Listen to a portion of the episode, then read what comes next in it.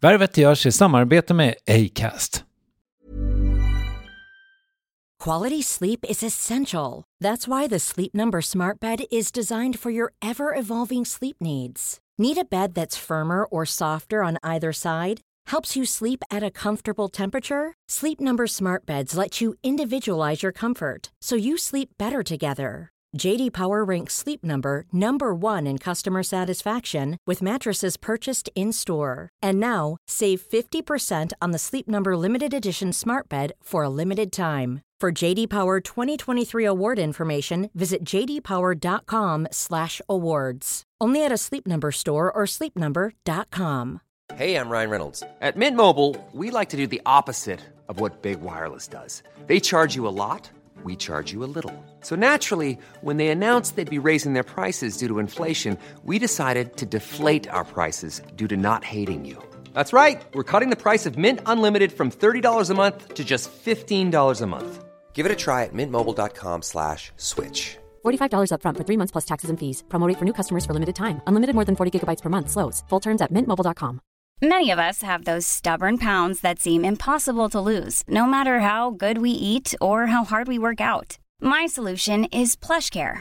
PlushCare is a leading telehealth provider with doctors who are there for you day and night to partner with you in your weight loss journey. They can prescribe FDA-approved weight loss medications like Wagovi and Zepbound for those who qualify. Plus, they accept most insurance plans. To get started, visit plushcare.com slash weight loss. That's plushcare.com slash weight loss.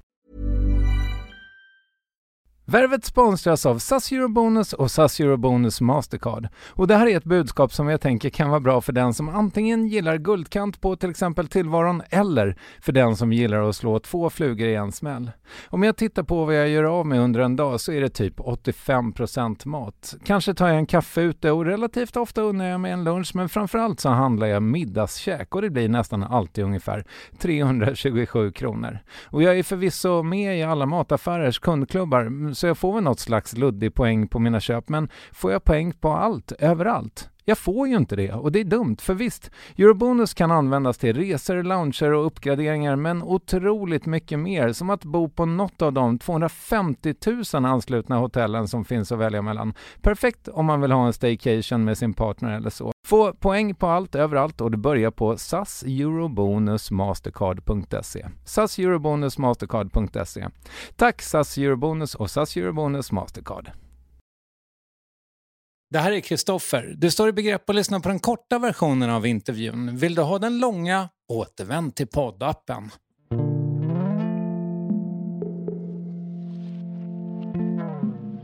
Sen så, eh, så började jag bli paranoid och hur ska man säga, hamna i en annan verklighet. Alltså jag, jag skulle hellre, om jag liksom hade råd och tid vara i den verkligheten och se vart den tog mig. Liksom, om ingen skulle tvångsta en eller om ingen skulle döma en, om folk skulle vara med en.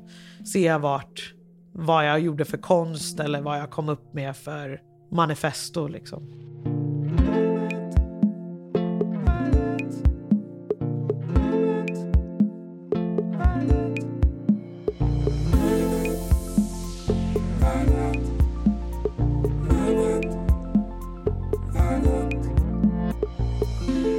Hur är det nu? Är Mapei artisten som hade inte ett utan två stora genombrott? Dels som rappare under andra halvan av 00-talet, dels som sångerska sju år senare, men som försvann båda gångerna på grund av psykisk ohälsa. Eller har hon varit här hela tiden men gått in och ur olika faser? Mer om det, liksom responsen för hennes medverkan i årets Så mycket bättre när hon mutade nazister med godis och att bli tvångsomhändertagen på Malmskillnadsgatan i Värvet avsnitt 590 1999, även känt som stark tobak. Här är Mapei. Jag har, eh, har, sitter och skriver bok och då har jag, har jag liksom en fantasi om att man i ett ayahuasca-rus kan träffa eh, människor som inte lever längre. Ja, men det tror jag på. Ja, men det är tydligen precis så det funkar för många. Okej. Okay. Och det, het, det, betyder typ så här dödens eh, lian eller någonting sånt. Okej. Okay. Mm. Ja men som NERD säger, no one ever really dies. Mm. Det står för det. Mm. Ja, jag fattar. Men vi eh, lämnar ayahuascan för nu. Ja. Ja, du, nu när vi sitter här några dagar innan folk hör det bara, Mm. så är du liksom i tv varje lördag 20.00. Precis. Ja. Man blir liksom uppskattad, dömd. Det svåraste är ju att se sig själv så nervös liksom. Alltså se sig själv i ett sammanhang med en grupp av olika stjärnor och liksom eh, dynamiken, hur man blir påverkad av den. Eh, jag växte ju upp på ett, ja men typ så kallat barnhem liksom och jag var väldigt tyst där.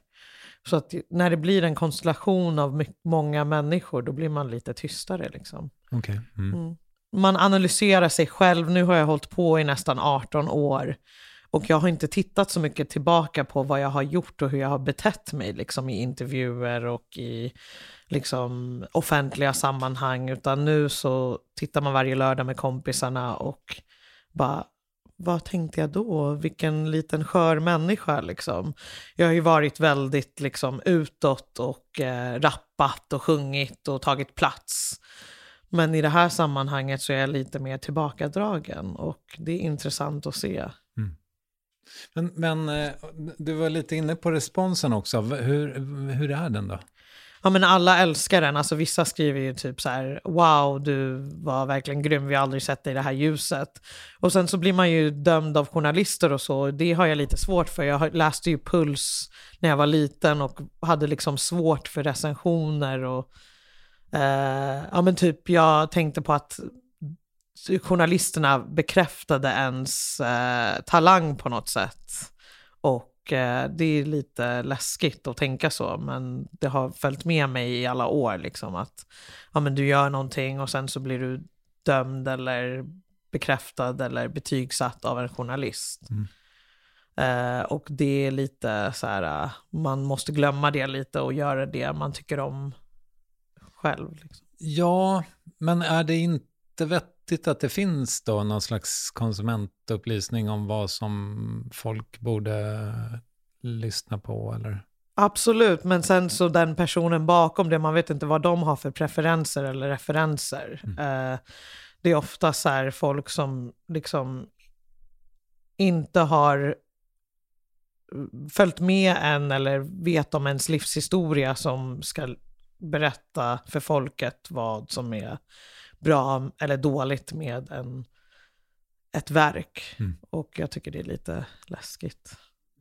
Måste du läsa det?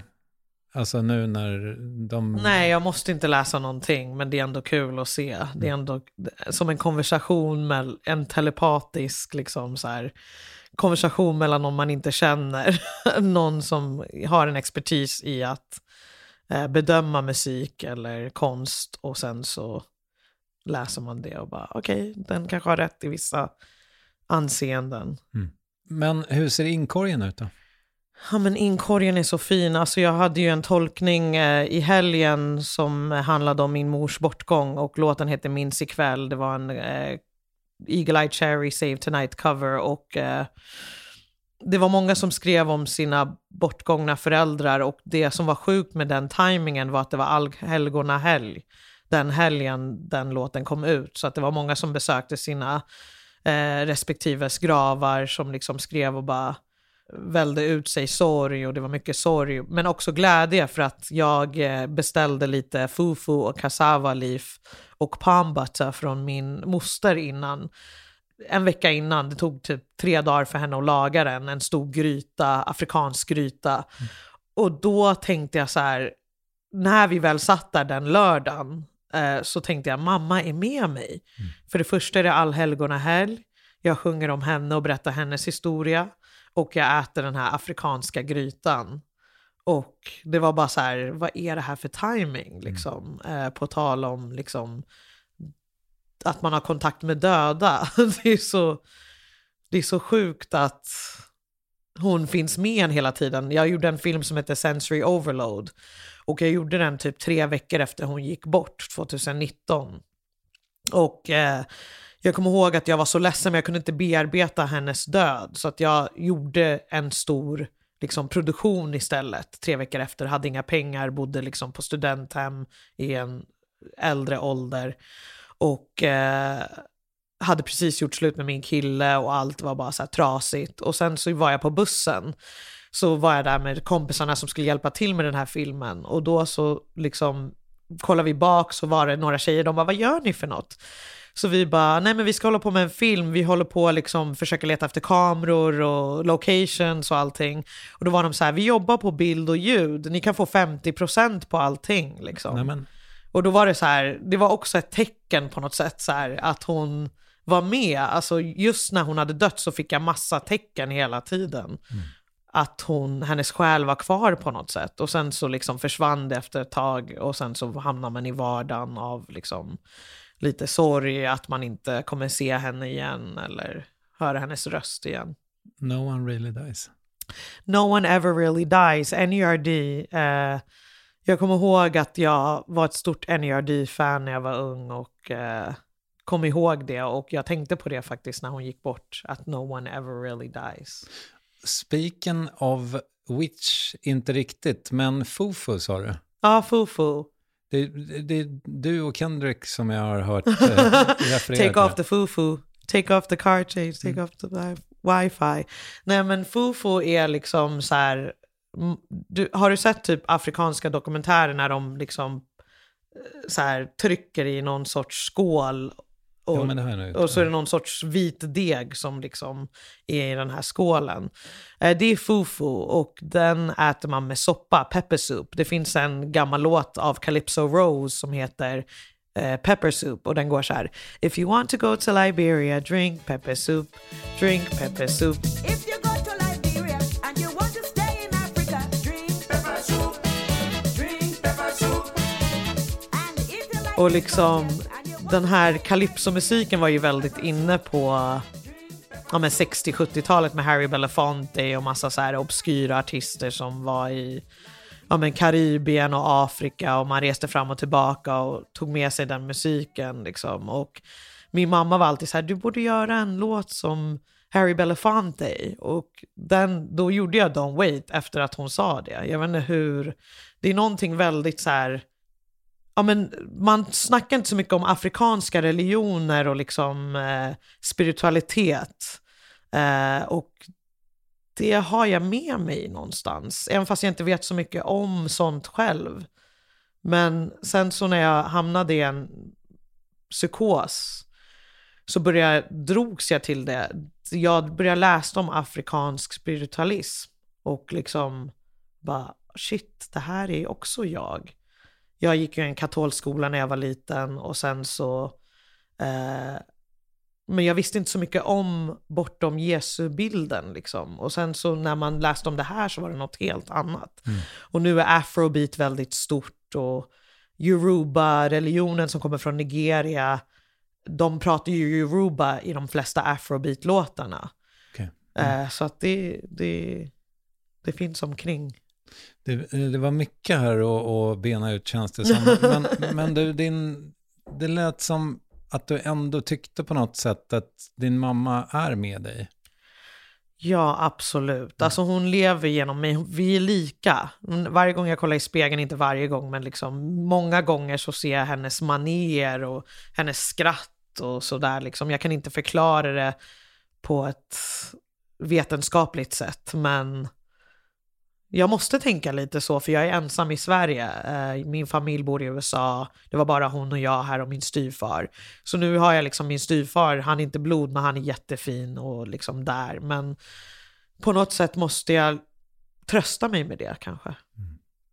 Och du, för visst, du, hade, du växte ändå upp med syskon. Var det på pappas Precis. sida då? Nej, på mammas sida, så Okej. de här syskonen jag växte upp med var väldigt, ja men ganska mycket äldre och Mm eh, när jag flyttade till Sverige så flyttade jag hit själv med min mamma och eh, och sen så var jag själv med henne, så först bodde jag liksom i, på Detroit Avenue i Providence, Rhode Island med en äldre kvinna och en man som hette Edith Rollins och Lawrence Washington. Och de hade massa barn hos sig för Edith Rollins kunde inte få barn själv. Eh, Så det var en kristen familj som liksom hade massa barn där och min mamma lät mig vara där för hon jobbade tre jobb. Och sen så fick jag aldrig vara med henne riktigt kändes det som. Så jag var väldigt så här, ja men saknade mamma hela tiden och liksom ville ha hennes bekräftelse liksom. Och, eh, och sen så när vi flyttade till Sverige så flyttade jag själv, fick jag bo själv med henne och det var jättebra. Då fick jag all uppmärksamhet. Okay. Mm. Men stora syskonen, de var liksom så pass mycket äldre så att de var utflugna du, när du föddes typ? Eller? Ja men en av dem hade barn redan och den Okej. andra ville inte bo här. Hon kom hit lite snabbt men hon var 14 så att hon tyckte det var lite så här jobbigt att vara ifrån kompisarna. Mm. Så hon flyttade tillbaks till USA till sin pappa. Men, har du kontakt med dina syskon? Ja, jag har kontakt med mina syskon faktiskt. Eh, Jag brukar hänga med dem när jag åker till USA. Jag åkte dit varje sommar som barn och hälsade på min pappa och eh, syskonen och familjen. Och sen så Facebookar vi och sådär. Liksom. Ja, men när jag har hört dig berätta om ditt liv så låter det ändå som det har varit så jävla mycket, förlåt om jag svär, men, men det har varit så mycket liksom svängningar ändå. Ja, det har det. Det har det alltså. Det har det. Det började väl där och sen kom han till Sverige och eh, hamnade i någon sorts, liksom jag hamnade med eh, ja, men till exempel Matilda och Malin var de första kompisarna jag hade och jag hade jättebra betyg i USA så när jag kom hit så lärde jag mig svenska efter tre månader och hamnade liksom med de som var brighta i klassen. Eh, vi eh, gick på så här, liksom, ja, men, engelska klasser som var lite av- mer avancerade redan i trean. Men sen så hamnade man i utanförskapet för att det kom, eh, det, det var nazisttiden och eh, eh, svartskallar blev svartskallar, svenskar blev svenskar och eh, det blev väldigt segregerat och polariserat. Så då hamnade man liksom i invandrargänget och eh, det blev lite hårdare, man blev lite hårdare själv. Eh, man blev, var inte lika duktig i skolan. Men sen så kom Lauren Hill och räddade mig.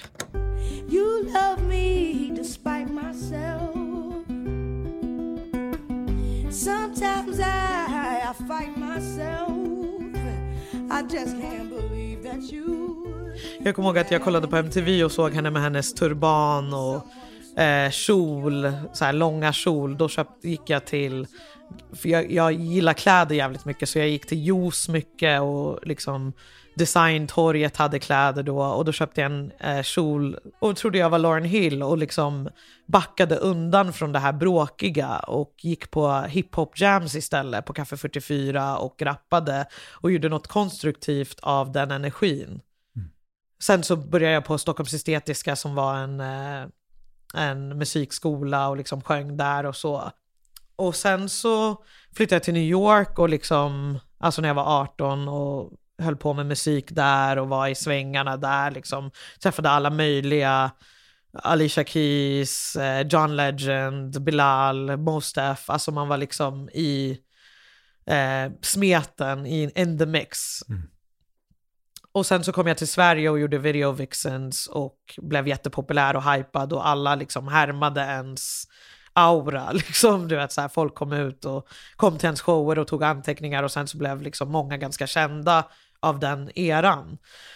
Men då hamnade jag i en dipp, liksom en depression och sen så har jag hamnat i dem ever since. Liksom, och gå- varit upp och ner och varit i någon sorts Eh, jag har kommit ut på andra sidan, men jag har varit i en annan verklighet måste jag säga.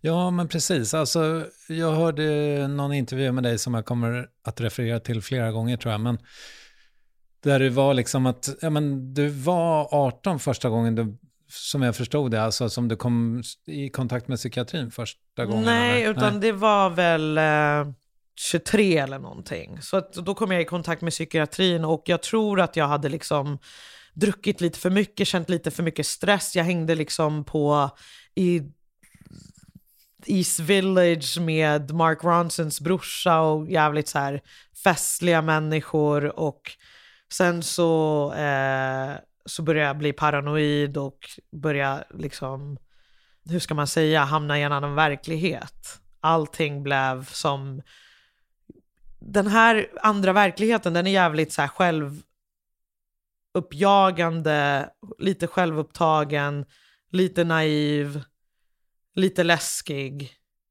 och ganska vettig för en när man är i den. Eh, jag började tänka att jag var liksom i en värld av Andy Warhol och Chelsea Girls, för jag lyssnade på låten Chelsea Girls jävligt mycket med Okej. Nico från Velvet Underground. Mm. Så då var jag så här, det här är liksom, det här är någon sorts, och det var ju det, det var ju en rörelse av många konstnärer som höll på, men jag var tvungen att referera till någonting.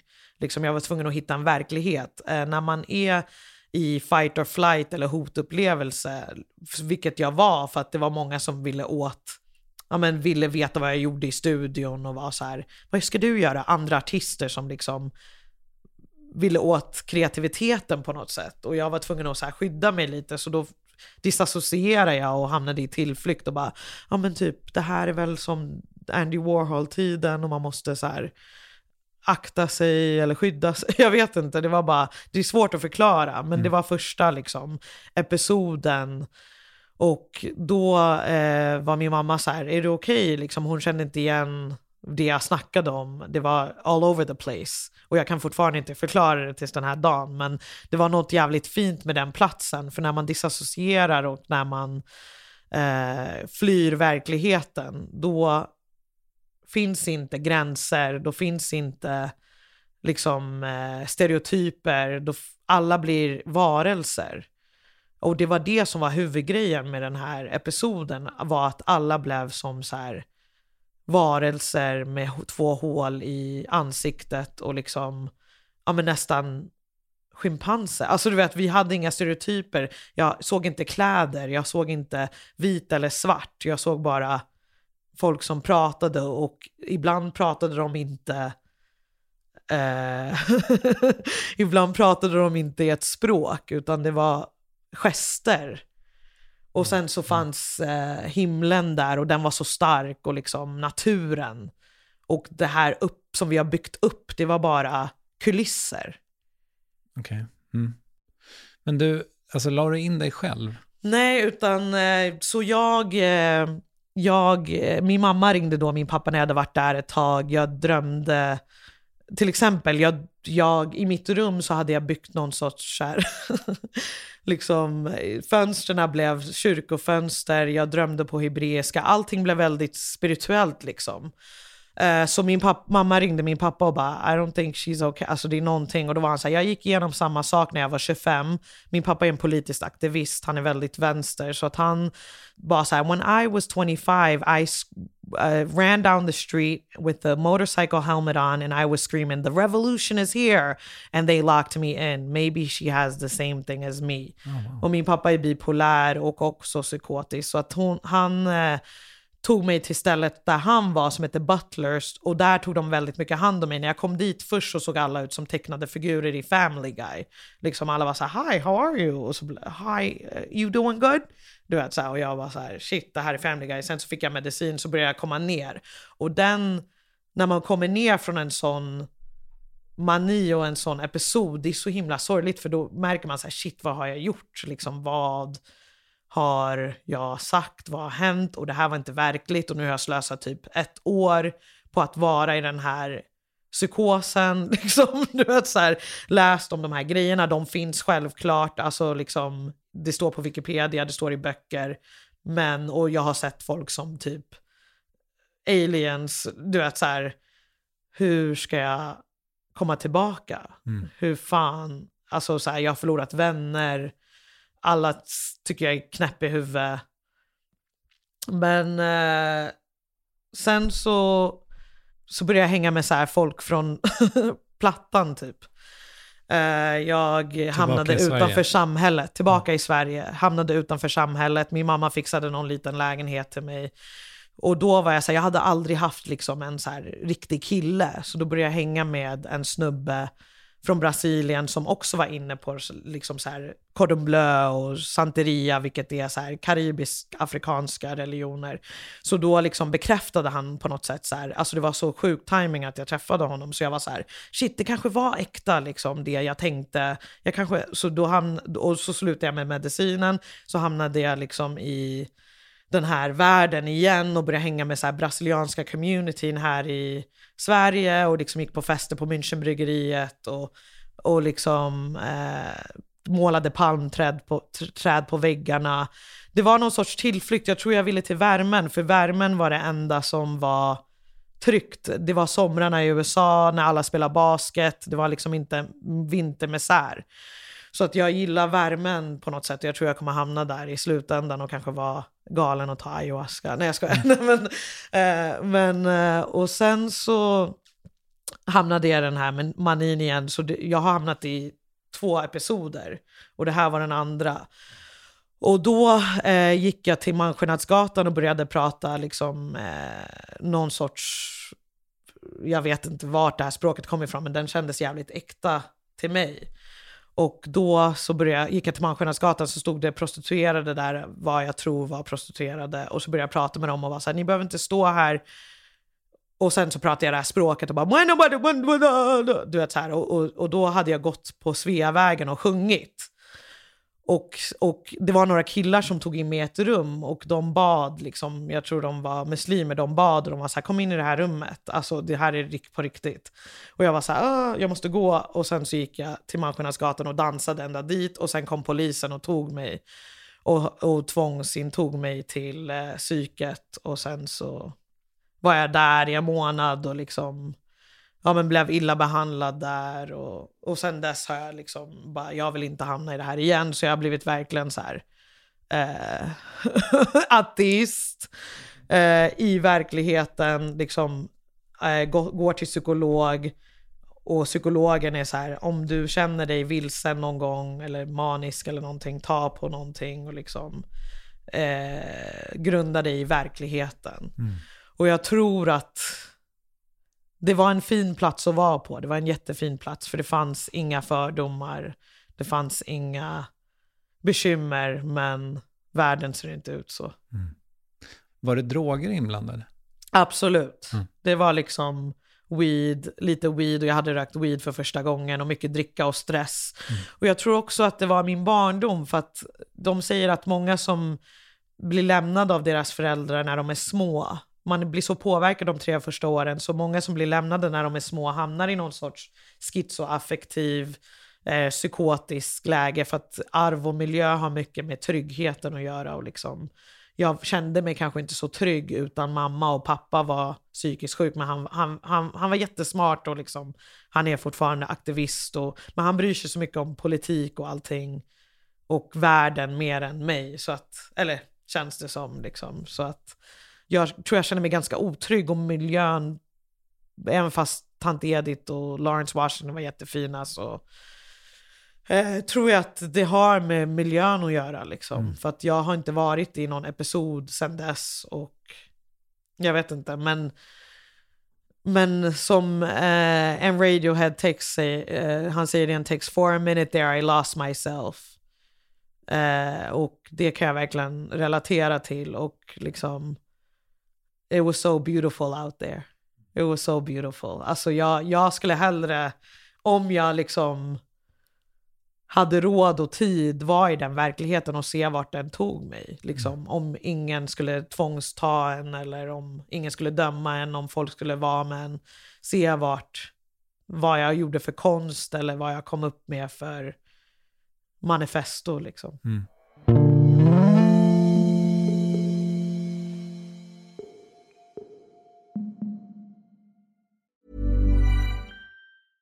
Ryan Reynolds here from Mint Mobile. With the price of just about everything going up during inflation, we thought we'd bring our prices down. So to help us, we brought in a reverse auctioneer, which is apparently a thing. Mint Mobile unlimited premium wireless. Ready to get 30, 30, bit to get 30, bit to get 20, 20, 20, bit to get 20, 20, bit to get 15, 15, 15, 15 just 15 bucks a month. So, Give it a try at mintmobile.com slash switch. $45 upfront for three months plus taxes and fees. Promo rate for new customers for limited time. Unlimited more than 40 gigabytes per month. Slows. Full terms at mintmobile.com.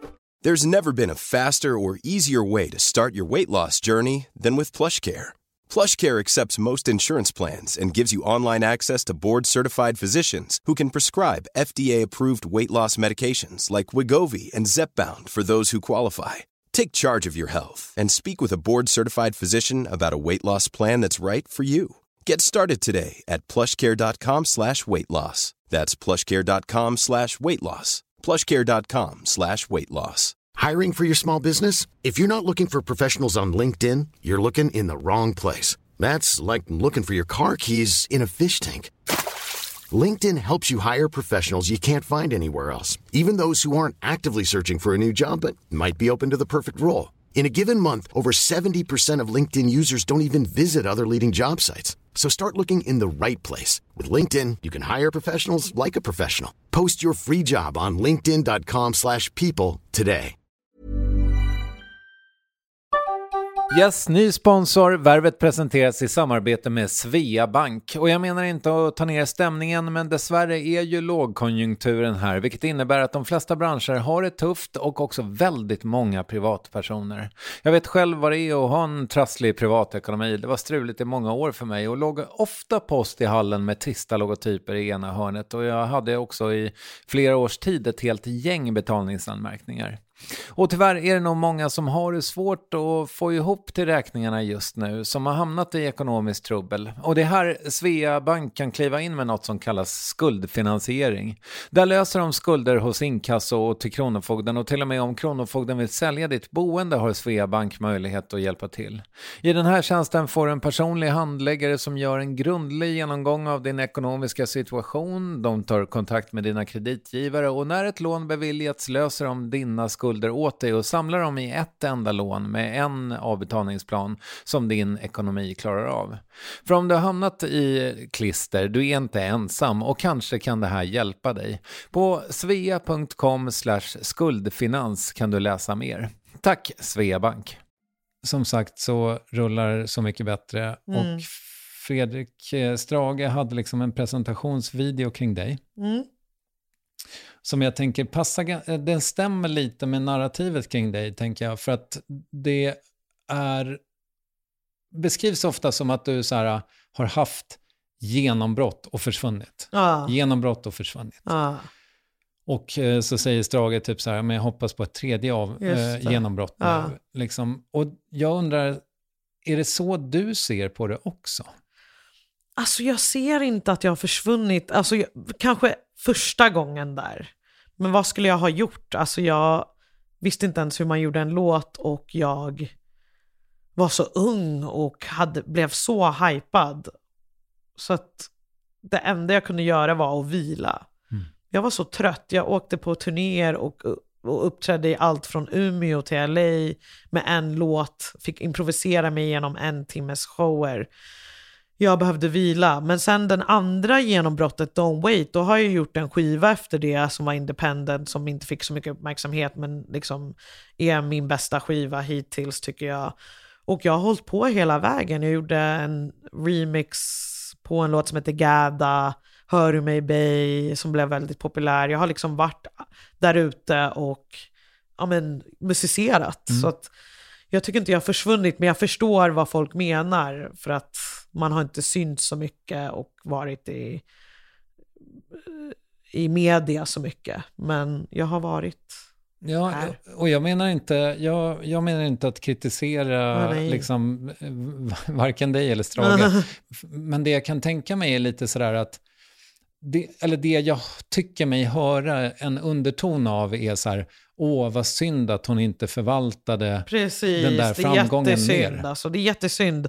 Och som sagt, när man får ekonomiska råd från föräldern eller när man lär sig från föräldern hur man ska borsta tänderna när man är liten och knyta skorna, så fick jag inte all tips om hur man förvaltar den här artistskapet. Jag bara slängde ur mig låtar och kreativitet och var i en annan värld. Och liksom nu, inte för att vara så, men jag har ett jättebra team bakom mig som bara, ja men det här kan du göra, det här kan vi göra, eh, så här kan det se ut.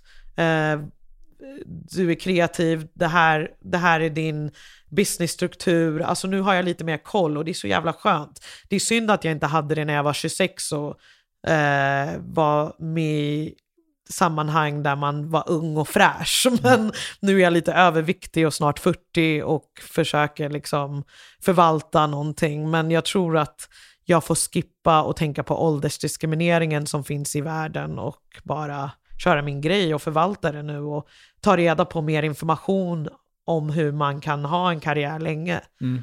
Jo, och jag menar på något sätt, och det är ju liksom det, när jag säger så här att jag hör en underton i narrativet kring dig, så här, om att, att det är synd att du inte har förvaltat det, som att, för då är det lite grann som att man förväntar sig att du ska, liksom, eller att alla ska vilja att det ska gå så här snett uppåt som en graf. precis, Men det måste, precis. det, så måste det ju inte Nej, vara. alltså jag älskar att kalla mig själv butikartist. Jag är som en liten så här butikartist, en liten så här, ett litet bibliotek med så här lite småböcker och så kan du komma in och du vet att vara artist är som att ha en fest hela tiden. Jag orkar inte ha en fest hela tiden och liksom bjuda in folk till min själ och bara nu får ni stanna här och vara här utan du vet Ibland vill man stänga in sig och skaffa lite inspiration, eller inte ens skaffa inspiration utan bara vila och vara människa. Jag är jävligt mycket människa. Jag är liksom en Stockholmstjej som har gått igenom mycket och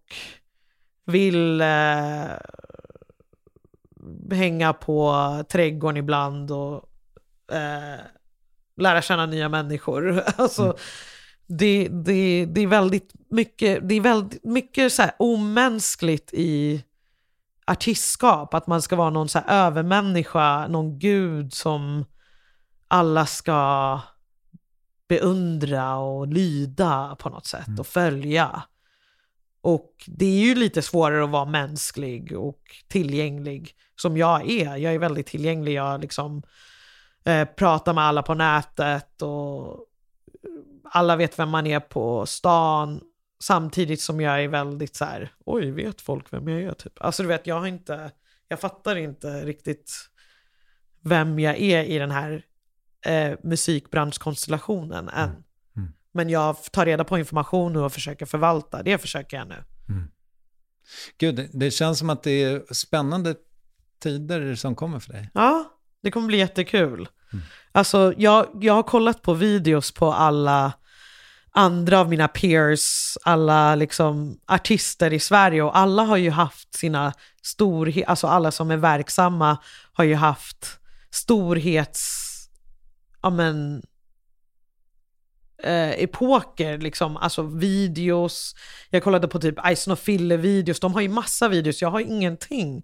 Alltså jag har gjort en film och en musikalisk visuell film som inte finns någonstans än, men alla har ju sina, him- sina livshistorier på film och i musiken och skivor och jag bara börjar från scratch hela tiden.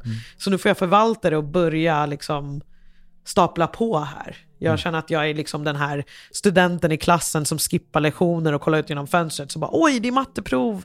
Jag måste liksom plugga inför det så jag får bra betyg och kan komma in på gymnasiet. Jag, jag är lite eftersläntare här. Ja, men vad kul. Det ska bli jättehärligt att följa dig. Tack så hemskt mycket för att du ville komma hit. Tack så mycket.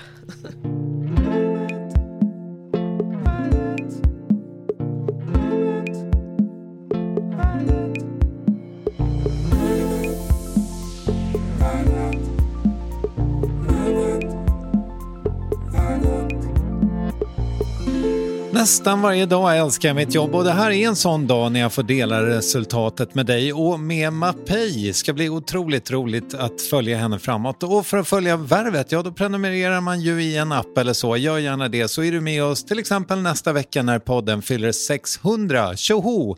Producent Ninni Westin och jag, Kristoffer Triumf, gör Värvet som ges ut av Acast. Här är en snutt av För livet med Mapei och Timbuktu. Hej! Discoprinsessan, inte som de flesta. Hon som älskar att skratta och flexa och dricka och mingla och skämta och festa. Det känns som alla har vuxit upp, skaffat barn och tar det lugnt. Vad händer med att vara för evigt ung? Man börjar närma sig 30 och det känns skumt. Pubertala minnen, kompisar försvinner. Ansvar och plikter samt kärleksregister. Man känner sig grå som en höstdag. Som att stå still i ett publikhav. Men pass på alla ideal och krav. För ikväll är det fest och det är fett med drag. Vet inte hur länge jag kan göra det här. Kanske borde jag bli mer självkär. Samma klubbar, samma snubbar Samma folk är alltid där. Så jag, så jag tar mitt sista sup.